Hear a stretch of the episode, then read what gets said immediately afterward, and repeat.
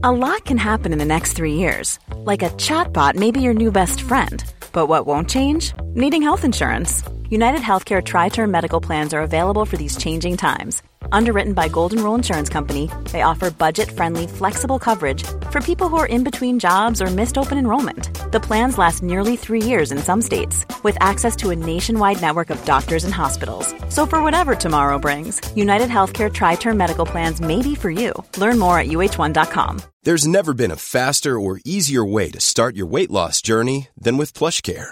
PlushCare accepts most insurance plans and gives you online access to board-certified physicians who can prescribe FDA-approved weight loss medications like Wigovi and Zepbound for those who qualify. Take charge of your health and speak with a board-certified physician about a weight loss plan that's right for you. Get started today at plushcare.com slash weight loss. That's plushcare.com slash weight loss. plushcare.com slash weight loss.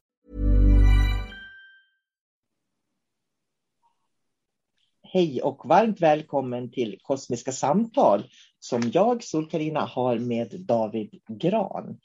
Eh, du får jättegärna dela den här podden om du lyssnar och gillar den så att fler hittar till den. För vi tar ju upp ämnen som ibland kan vara lite kärringen mot strömmen skulle man kunna säga och kanske inte alltid är det här som man tror eller förväntar sig att få höra. Så jag säger god dag David och hej! Hej sol karina vad trevligt att vara här! Ja, hur är läget med dig? Är det bra? Det är bra. Mm. Mm. Vi hade ju en ganska intressant, ett intressant samtal, du och jag, innan vi började podda idag. Och, och det är det här att det är så många människor som upplever saker.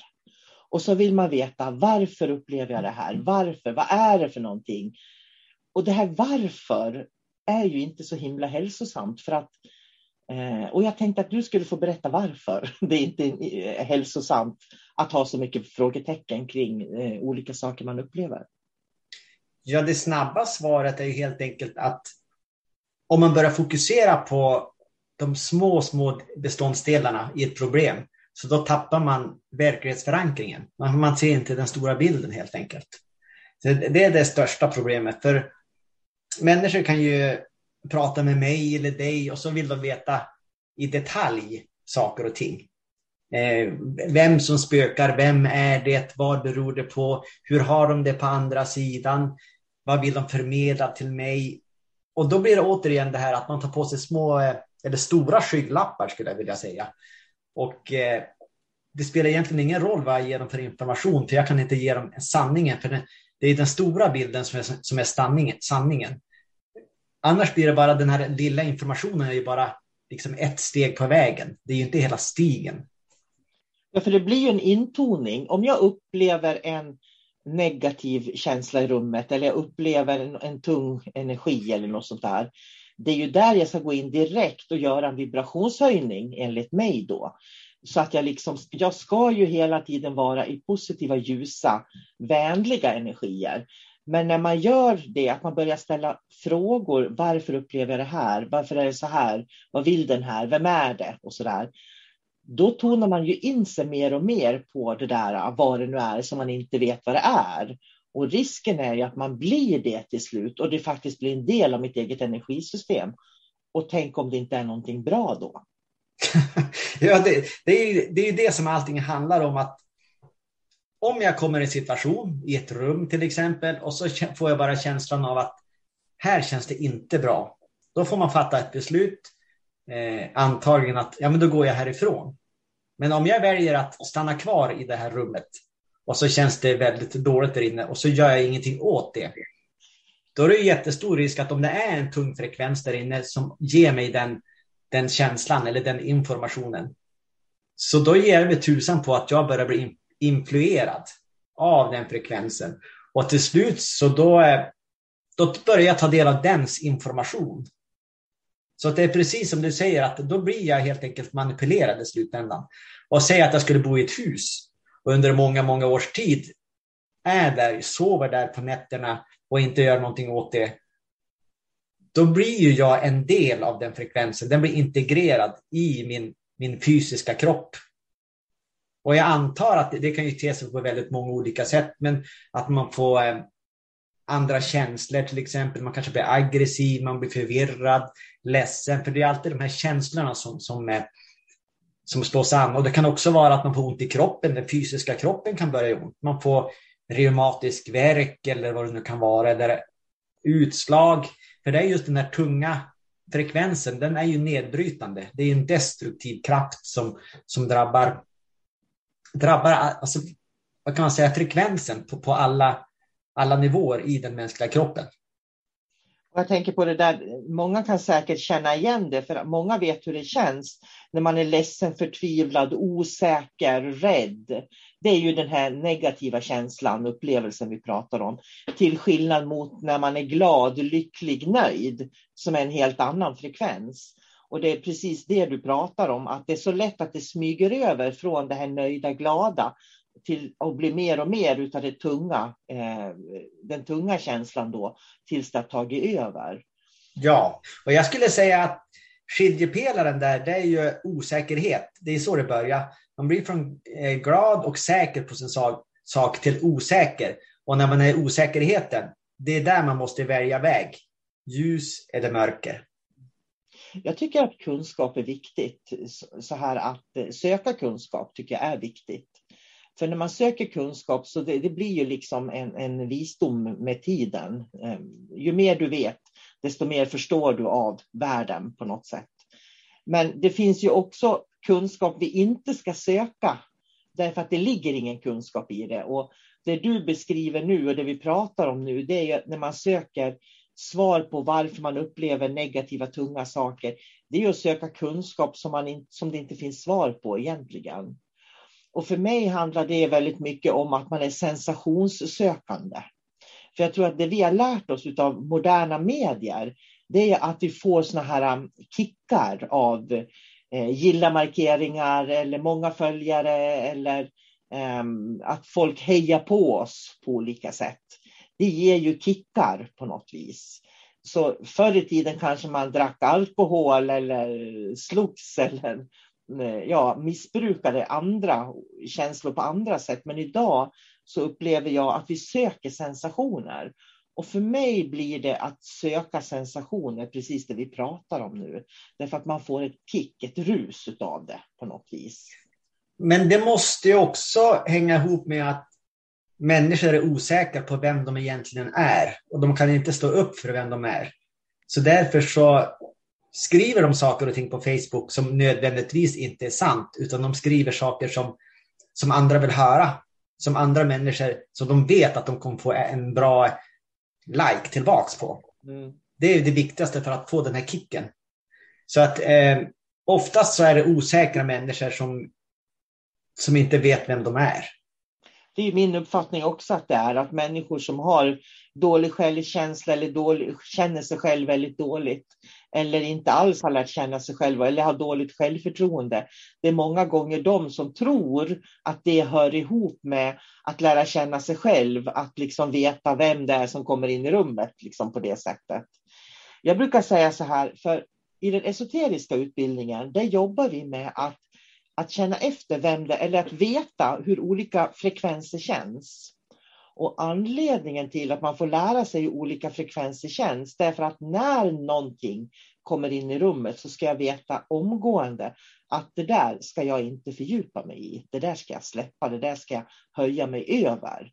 Men människor som inte kan eh, förstår skillnaden dimensionellt, det är ju de, det är min erfarenhet, att det är de som eh, känner att de vill veta men de är och rör sig i ett träsk på något sätt. Därför att det finns inte högre kunskap där de är. Nej, det är så, det är så snäva kretsar eh, de rör sig i, i det där eh, träsket som du säger. För egentligen spelar det ingen roll om jag går ner i träsket och det är någon i mitt rum till exempel. Ja, men det spelar ingen roll, det kan vara tusen olika sorters varelser eller vibrationer eller frekvenser. Men det är helt oväsentligt. Det enda du behöver veta är att det där är inte bra för mig. Mm. Och så går du åt en riktning som du vill gå, som är bra för dig. Och det är precis där det krävs att man har tro på sig själv. Därför att anledningen till att man börjar lyssna på andra eller involvera sig i olika saker man inte ska vara involverad i, det är ju för att man inte vet vad man vill innerst inne egentligen. Mm. För om jag vet vad jag vill och jag möter en, jag tänker på det här nu att, att alla människor är så besatta utav att jaga spöken och att jaga entiteter och varelser. De är så besatta utav det så att de på något vis glömmer varför de är här på jorden och vilka de är. Därför att det blir en besatthet på något vis, det de håller på med. Man kan ju tänka så här också att om man nu är en människa som är besatt av att få veta om spöken och dylikt. Varför inte bara leva den här tiden på jorden och sen när man lämnar sin fysiska kropp, då kommer du att få veta hur det fungerar med spöken. Mm. Ge det bara tid, saker och ting. Och så ha fokus på vad du vill göra precis här och nu. Vad kan du göra? För att i den här fysiska kroppen så kommer vi aldrig till 100 procent att förstå hur alla dimensioner fungerar, hur spöken fungerar, utan vi har bara vår erfarenhet, vad vi har gjort här i livet. Och vår erfarenhet, det är ingen, det är ingen kollektiv sanning, vår erfarenhet. Det är inte den absoluta sanningen. Det är, vi är ett medvetande som har haft ett par år på jorden och fått erfarenhet av det. Och tar vi till andra sidan jordklotet så har en, eh, ett medvetande en, som är i en människas kropp, de har en helt annan erfarenhet. Men jag tycker det är så fascinerande, för det som växer i mig nu när du pratar, det är det här att om vi tar spiritualisterna till exempel, de, eh, de menar på att de kan bevisa att andra sidan finns och jag tycker det är jättekul på något sätt att de tror det. Eh, därför att då är det så här, vad är det de kan bevisa? Vad är det de bevisar? att någon står i rummet och skickar eh, vibrationer i form av en bild så jag ser min mormor framför mig. Eller att jag blir visad någonting som min mormor kunde så, så jag tror att det är min mormor jag pratar med. Och det är bevisföring för dem, då menar de på. Men de, har ingen, ja, de har ingen dimensionell kunskap, så jag menar, då, det vore ju skillnad om min mormor sitter mitt emot mig vid köksbordet och jag kan prata med henne och ställa alla frågor som jag har. Men det är det man inte kan. Det är de här nyanserna som kommer. Och så tycker man att man kan bevisa att andevärlden finns till exempel. Men man har ingen förståelse för skillnader som finns i olika dimensioner. Och det, det är ju där faran är, tycker jag. Ja, dels det. Sen är det också det, hur kan man någonsin bevisa någonting? Min erfarenhet det är att de här tunga frekvenserna som kommer in, eh, som kan tas i olika former, de kan ju också manipulera och de manipulerar ju också människor. Så att nu hittar jag på här att en, en eh, demon kommer in när någon håller en seans och så går de in i en människas hjärna, nästar sig in, läser av eh, hjärnan då, eller systemet och så tar de fram den informationen och så sätter de mormor framför den personen och börjar prata om minnen. Jag, jag vet att de manipulerar på det sättet. Så för mig är det inget bevis. Ja, men för de som håller seansen så är det mormor. För mig så kanske det är en demon. Mm. Så att det, det, är olika erfarenheter som jag har. Och det är därför vi tolkar det på så olika sätt. Mm. Helt enkelt. Men jag tänker också, om man tittar nu, nu vet inte jag hur vi hamnar i spiritualismen, men den, den tycker jag är så signifikant på många sätt. För om man tittar, den, den är ju liksom sprungen ur kristendomen på, eh, i, på 1800-talet. Det är ju därifrån eh, spiritualismen härstammar.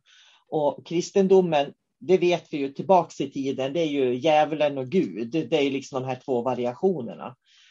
Och så när människor började höra röster så tänkte de ja ah, det är nog min avlidna mormor som pratar.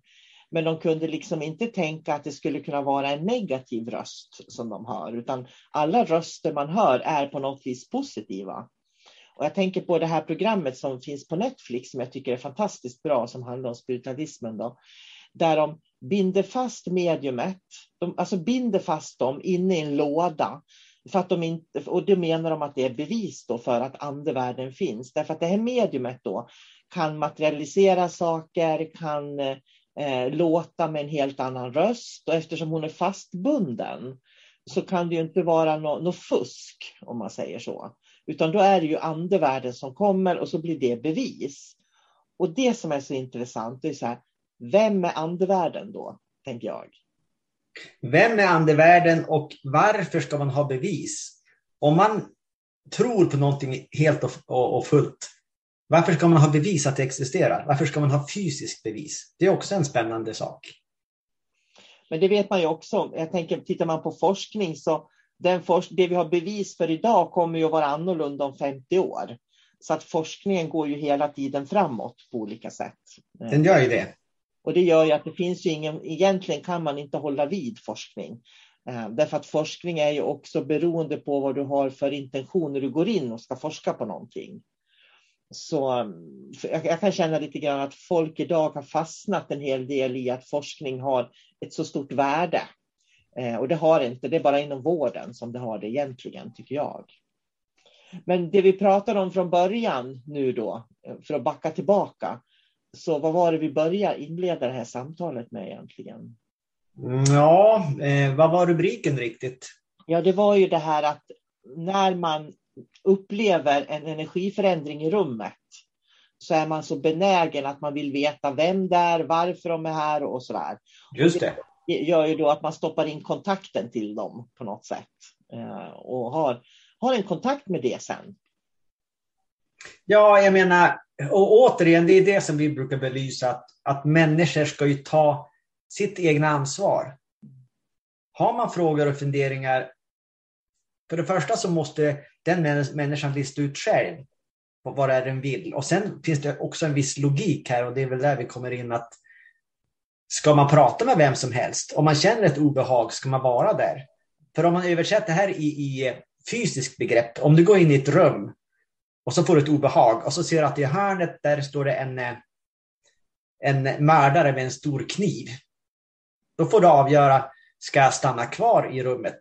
Ska jag gå och lägga mig och sova och hoppas att mördaren försvinner eller ska jag gå ut och ringa polisen? Och eh, jag menar, om man då fångar mördaren, du, du ringer polisen och så rymmer du från ditt hem och så fångar polisen in mördaren. Då kan man börja fråga om detaljerna. Vad gjorde du där till exempel? Det är väl den rätta vägen att gå. Om man ska agera på samma sätt i, eh, vad ska man säga, den här andliga, den här andliga eh, andligheten som vi håller på med. Att när man får en impuls, information att jag ska inte vara här, ja, men då går du därifrån.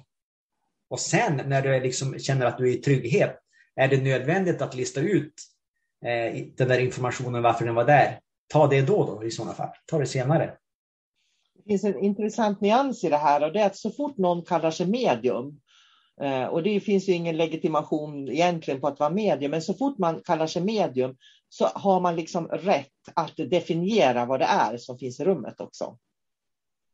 Ja, ingen kan ju säga emot mig egentligen. Nej, och det är också det här att man, den här övertron som man har, när man, som man lägger på andra människor, som jag tycker är intressant.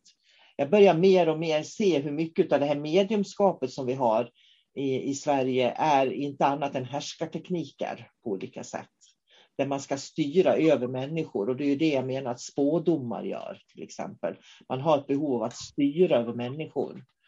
Därför att om du, om du ger rådgivning eller vägleder på olika sätt så, så ska du ju inte styra människors liv. Därför att då blir du ju som den här demonen som står i hörnet, bara det att du har plötsligt blivit fysisk. Mm. Och det är väl det jag ser nu. Det, det, var därför som när vi pratade innan vi började spela in idag så kände jag mig, jag kände mig lite sådär äh, nedslagen på något sätt. Du vet, man kan känna ibland när man tappar sugen lite grann. För det var den känslan som jag hade idag när vi möttes, att jag kände att jag hade tappat sugen lite grann. Och det är just det därför jag, jag tänker att men vad är det för fel på folk?